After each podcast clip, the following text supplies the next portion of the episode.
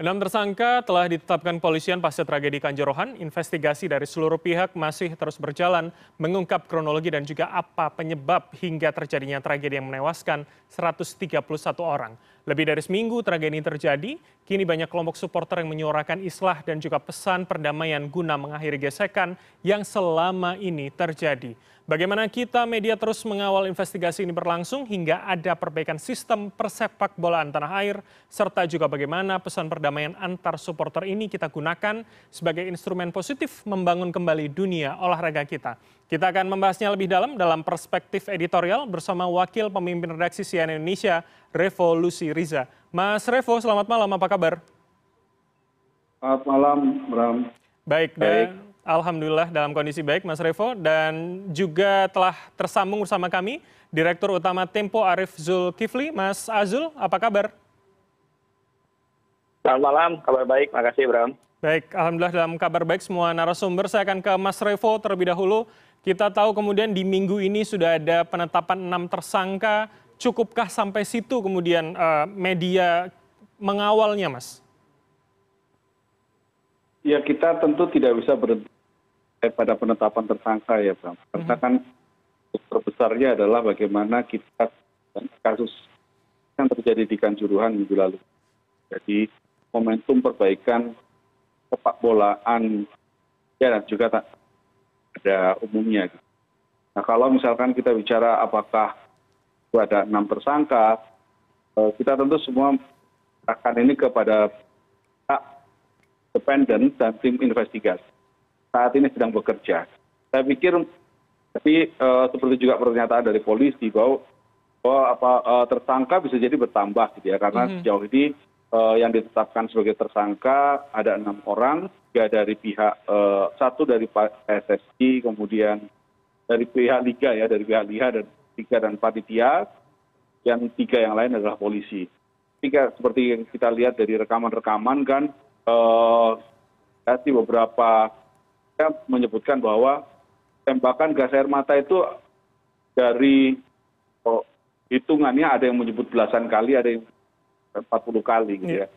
Artinya polisi polisi siapa saja siapa saja pihak pihak yang kemudian melakukan penembakan eh, apakah itu semua nanti diminta pertanggungjawaban atau hanya terpusat pada komandannya nah kita semua saat ini yang sedang menunggu tapi yang jelas tentu kita semua akan mengawal ini karena kita berharap dari 131 orang itu tidak sia-sia dan ini bisa menjadi Eh, momentum untuk perbaikan walaupun tentu harganya mahal sekali ya untuk memperbaiki persepak bolaan tanah air dan olahraga itu harus sampai sedemikian itu harganya. Mm-hmm. Baik, ini menarik kemudian uh, 131 rasanya terlalu banyak walaupun sebenarnya kalau kita bicara soal korban satu saja itu sudah menjadi sebuah tragedi begitu ya Mas Revo. Nah ini kemudian kalau kita lihat masalah uh, sistem persepak bolaan kita menganggap begitu instrumennya kan cukup banyak. Ada soal uh, pengamanan yang masih belum tepat begitu. Ada kemudian masalah uh, infrastruktur stadion seperti yang disampaikan oleh salah satu tim uh, TGIPF yang mengatakan Kanjuruhan tidak sesuai dan tidak ideal untuk jalur evakuasi. Bagaimana kita media memfokuskannya, Mas? Apa yang kemudian menjadi prioritas untuk kemudian bisa kita kawal dari perbaikan ini, begitu, Mas Revo? ya bram seperti kita bahas minggu lalu ya di edisi lalu bahwa sebabnya kan tidak tunggal eh, dan tentu kalau misalkan kita mau memperbaiki sistem persepak bolaan ini juga tidak tunggal juga mm-hmm. uh, banyak hal misalkan dari yang tudingan-tudingan bahwa mafia sport misalnya itu masih ada di apa yang selama ini berputar gitu. Tidak pelaksana dari pihak uh, PSSI-nya sekalipun uh, kemudian Eh, kita sekarang juga melihat para supporter sudah mulai islah dan kemudian eh, bertekad bahwa menjunjung tinggi sportivitas ini juga merupakan hal baik yang selama ini juga menjadi salah satu yang sering kali kita sayangkan juga rivalitas atas supporter itu kemudian sampai menggugurkan uh, sportivitas misalnya. Mm-hmm. Kemudian dari pihak infrastrukturnya sendiri kita tahu kita masih minim uh, persepak bolaan nasional ini masih minim stadion yang Eh, pantas gitu ya tapi overall memang eh, kita tentu tidak bisa menafikan juga beberapa perbaikan perbaikan eh, prestasi prestasi timnas juga semakin ke sini juga semakin baik itu juga salah satu hal yang kita apresiasi tapi terlepas dari itu kalau misalkan berbicara tentang perbaikan tentu faktornya banyak sekali gitu ya. Mulai dari badan yang menaungi dari persepak bolaan nasional negara liga infrastruktur bagaimana kemudian pembibitan dari usia u yang dari u delapan u sebelas u dua belas dan seterusnya gitu. Kemudian sampai pada kemudian kita mengelola supporter. Ini ya keamanan dan lain sebagainya. Ini adalah sebuah hal yang menyeluruh yang saya pikir memang kita semua tentu berharap ini bisa menjadi sekarang ini semua terfokus di situ ya mari kita benahi semuanya lah. Kita menyeluruh apa memang sekarang kita fokusnya masih pada pengusutan tragedi kanjuruhan tapi setidak tidaknya ini juga kemudian bisa menjadi momentum untuk perbaikan secara keseluruhan baik baik. Saya akan ke mas azul. Mas azul bagaimana tempo melihat tragedi ini mas? Apakah ini bisa menjadi pintu kemudian perbaikan dari segala hal yang kita harapkan lebih baik dalam persepak bolaan kita? Mas azul. Ya terima kasih. Saya kira pasti ya terlalu mahal harga yang mesti kita bayar. Dengan satu ratus tiga puluh satu orang meninggal di kanjuruhan kalau kita tidak jadikan itu sebagai momentum untuk perbaikan perbaikan apa saja tentu saja perbaikan segalanya ya dari mulai prasarana pengamanan dan sebagainya. Tentu itu harus menjadi perhatian kita semua. Tapi yang harus kita katakan sekarang adalah blik itu menunggu dengan cepat apa yang hasil dari penyelidikan tiga ipf saya kira pemerintah bagus sekali sudah membuat satu apa namanya tim independen dan kita sekarang menunggu. Tadi di awal sudah ada pemberitaan saya kira mereka sudah mendapatkan cctv ya langsung dari lokasi di mana apa namanya bencana itu terjadi yaitu di pintu pintu yang terkunci tadi. Nah itu dari situ kan bisa dielaborasi lagi. Jadi saya kira terlalu cepat kalau kita langsung bicara kepada apa apakah fifa akan menjatuhkan hukuman kepada kita atau tidak. Terlalu cepat ketika kalau kita mengatakan bahwa harus dilakukan evaluasi terhadap tangga yang terlalu curam atau pintu yang terlalu kecil. Saya tidak mengatakan itu salah ya. Tapi saya kira penyelenggara negara pssi pemerintah harus memahami psikologi publik ya psikologi korban dan keluarga korban. Yang mereka inginkan adalah segera secepat cepatnya mengetahui apa yang terjadi bagaimana keadilan itu bisa mereka peroleh dengan seadil adilnya gitu saya kira prosesnya sudah berjalan dengan baik ada enam orang dinyatakan sebagai tersangka lalu siapa lagi? Apa yang terjadi dari itu semua? Betulkah apa namanya gas air mata itu dilontarkan secara diambil oleh inisiatif dari polisi di level bawah seperti yang kita lihat menjadi tersangka dalam kasus ini apakah tidak ada pencegahan dari sebelumnya? Apakah tidak ada perintah dari atasnya lagi? Lalu bagaimana dengan sinyalemen dari komnas ham yang mengatakan bahwa ada dugaan gas air mata ini sudah melewati batas pemakaian atau sudah kadar luasa? Itu kan juga mesti harus diperiksa. Jadi menurut saya itu saja dulu yang dijadi fokus gitu. Adapun perbaikan perbaikan ya itu sudah pasti itu sudah pasti dan sudah seharusnya begitu ya. Saya kira itu mas bram. Baik mas azul ini saya sepakat bahwa perspektif keadilan itu tentu sangat ditunggu begitu ya oleh para korban. Psikologi publik ini mungkin menunggu apa kemudian keadilan yang bisa diberikan kepada para korban.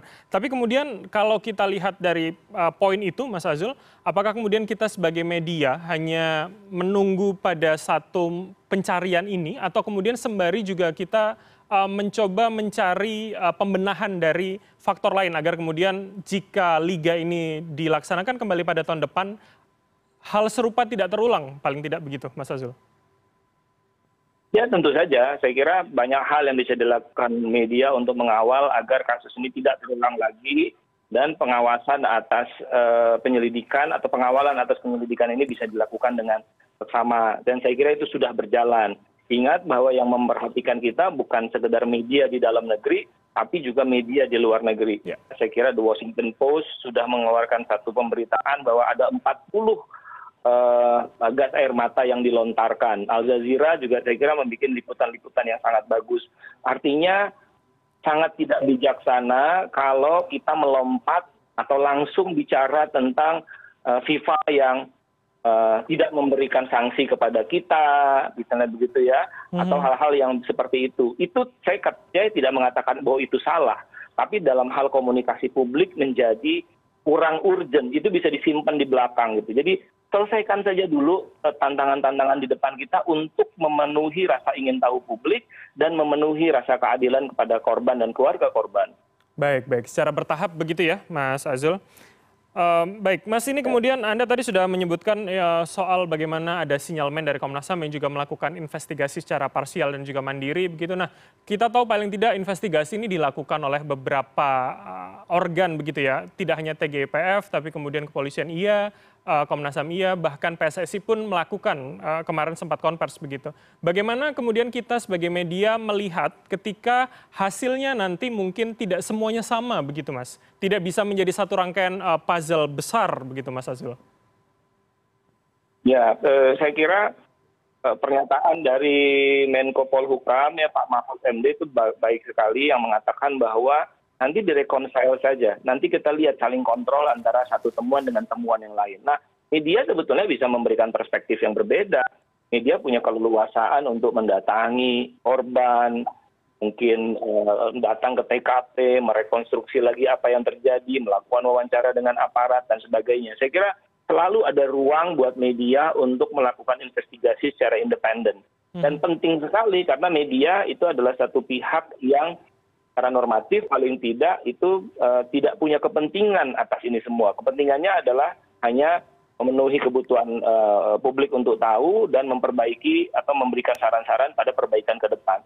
Jadi saya kira harusnya memang kita berlomba lomba ya berlomba lomba media ini untuk melakukan investigasi dan penyelidikan lebih lanjut tentang ini semua. Saya tidak berharap sebetulnya kita bicara tentang perbaikan ke depan dalam pengertian fifa tidak memberikan sanksi atau bagaimana apa namanya liga diselenggarakan. Tapi kita tidak menemukan jawaban apa yang terjadi pada tanggal satu oktober itu. Nah itu kan fatal menurut saya kalau itu kita tidak bisa jawab gitu. Oh sudah ada enam orang yang jadi tersangka. Oh masa cuma enam orang? Apakah tidak ada orang lain yang di luar itu? Bagaimana detailnya sebetulnya dan sebagainya dan sebagainya begitu. Jadi jadi menurut saya masih sangat panjang gitu. Saya dengar juga tgipf juga sudah punya pikiran untuk apa namanya buka kemungkinan dilakukan otopsi terhadap jenazah misalnya ya untuk memastikan kondisi dan kerusakan organ yang diakibatkan oleh gas air mata dan kejadian terinjak injak itu. Nah ini kan juga satu proses yang mesti dilampaui juga karena itu membutuhkan persetujuan keluarga dan sebagainya. Jadi buat saya sebetulnya marilah kita berfokus pada mencari tahu apa yang terjadi di sana dengan sebenar dan seakurat mungkin. Baik. Baik saya akan ke mas revo pertanyaan yang sama. Kemudian ketika organ investigasi ini cukup banyak bagaimana kita media melihat dan selain memverifikasi tentunya melihat mana yang kemudian bisa menjadi pegangan kita begitu mas revo? Sejauh ini kita melihat niat baik dari pemerintah ada gitu ya dalam proses penyelidikan kasus kanjuruhan ini. Menko polhukam dan kemudian sampai presiden juga sampai hadir di sana. Dan sekarang tim investigasi. Ini hal yang ya salah satu yang harus kita apresiasi lah gitu ya. Terlepas kemudian daripada itu kan kemudian banyak juga masyarakat sipil yang ikut juga mengawal kasus ini. Karena kasus 131 ini tentu banyak yang mengawasi ya Bram harus mengawal ya. Masyarakat sipil koalisi masyarakat sipil dari lbh juga turut melakukan investigasi. Dan hari ini sore tadi dari koalisi masyarakat sipil dari lbh dan sebagainya sudah menyampaikan hasil temuan awal mereka beberapa di antara misalnya pasukan ini sudah masuk tangan dengan membawa air mata itu di pertengahan babak kedua misalnya. Saya pikir ketika kemudian makin banyak mata yang mengawasi media juga ikut mengawal hal ini bahkan sampai media asing ikut pula menginvestigasi maka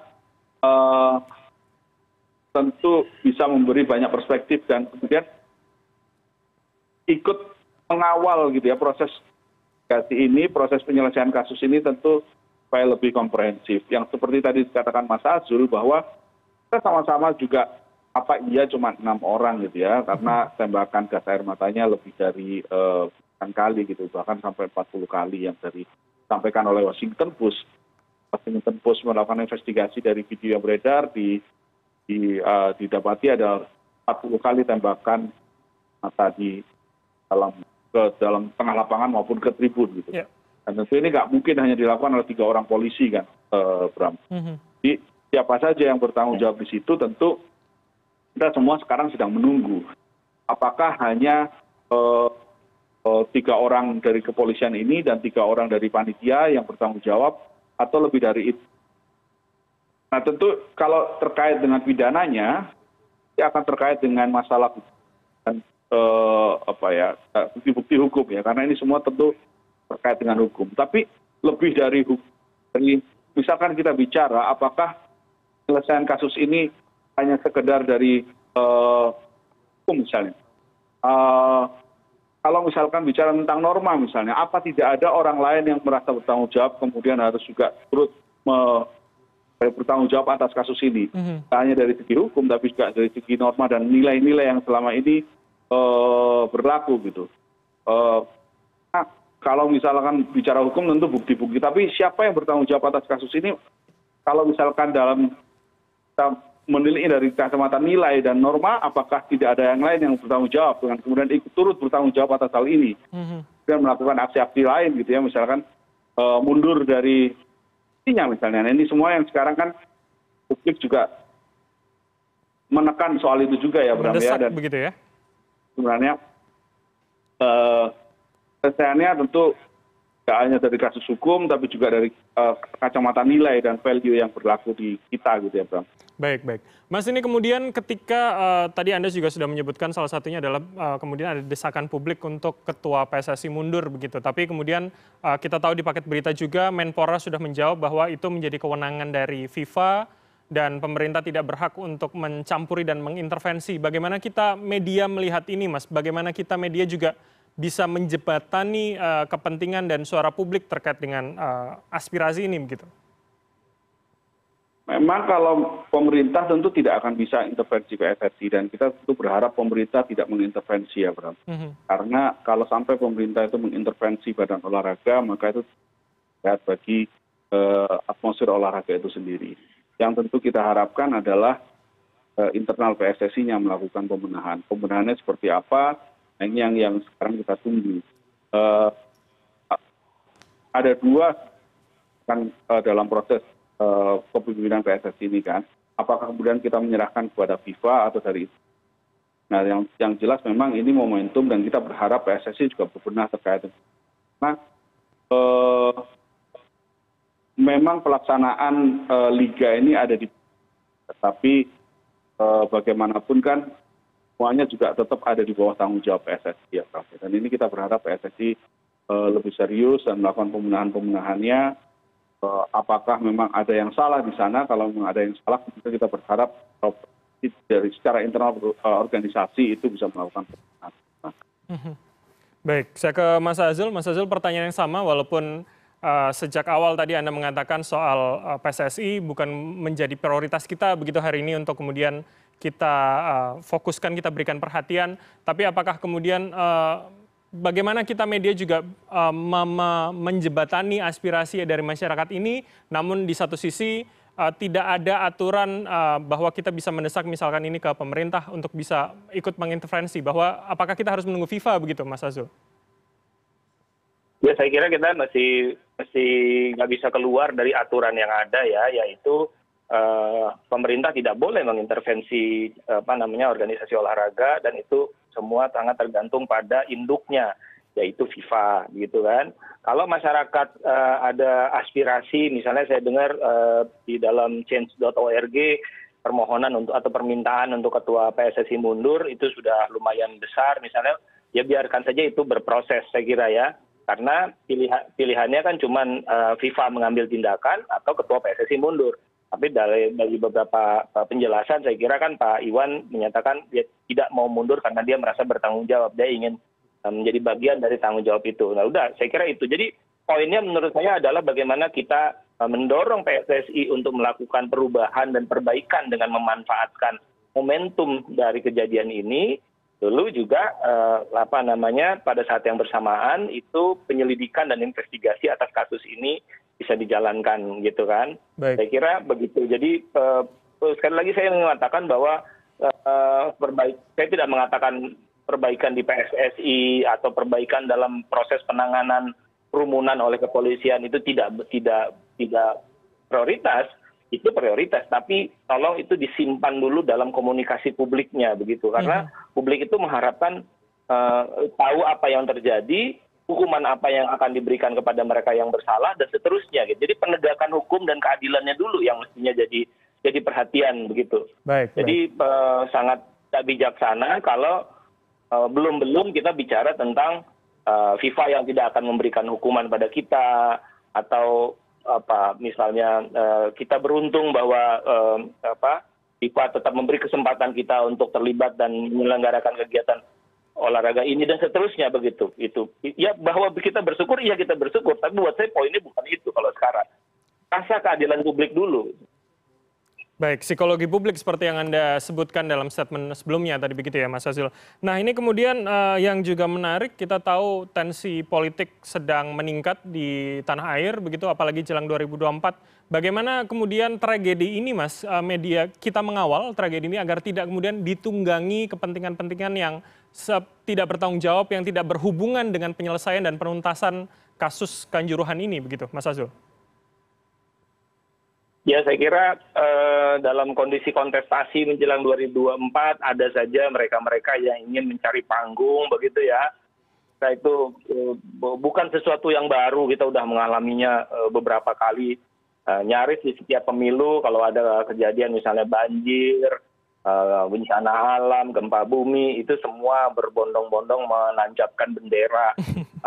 Ya apakah partai apakah kandidat di lokasi. Saya kira itu cuman dalam hal kanjuruhan ini saya kira mungkin kalau boleh menghimbau begitu menahan dirilah gitu para kandidat agar memberi kesempatan kepada tim gabungan independen mencari fakta polisi dan seterusnya untuk memastikan betul apa yang terjadi gitu. Jadi simpati publik kepada siapa pun yang menginginkan panggung di atas peristiwa ini itu akan pada tempatnya tidak akan diberikan kepada mereka yang tidak punya peranan langsung tapi tiba tiba ngambil ambil posisi ngambil panggung gitu. Saya kira itu sangat tidak elok begitu baik baik.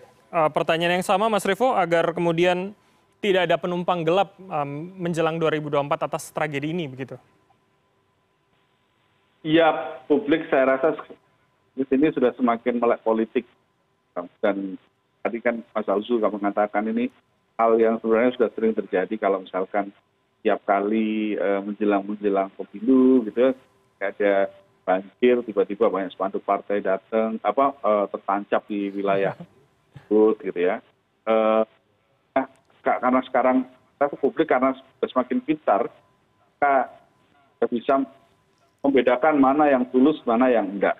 Dan kemudian kalau misalkan ada bantuan biasanya kita terima apa biasanya publik akan menerima tapi perkara pilihan ya perkara lah gitu ya.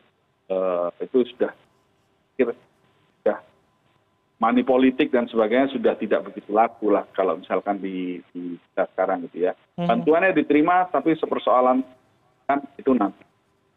Yang sebenarnya sudah, sudah saya sih yakin publik kita sudah ya, sudah tahu soal itu. Baik baik baik. Tidak hanya publik tapi kemudian uh, kita juga media bisa menyaring begitu ya agar tidak ada yang uh, mengambil tempat yang bukan seharusnya begitu ya.